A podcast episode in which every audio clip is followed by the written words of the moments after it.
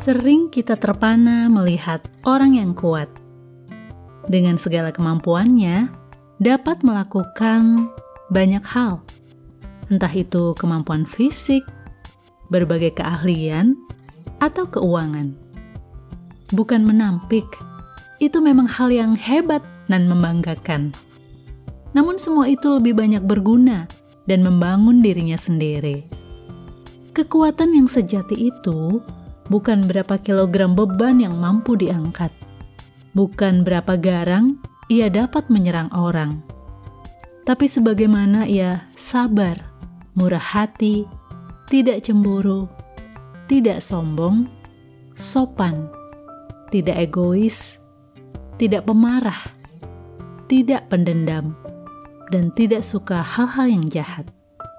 Seberapa besar ia mengasihi, meski tak diakui.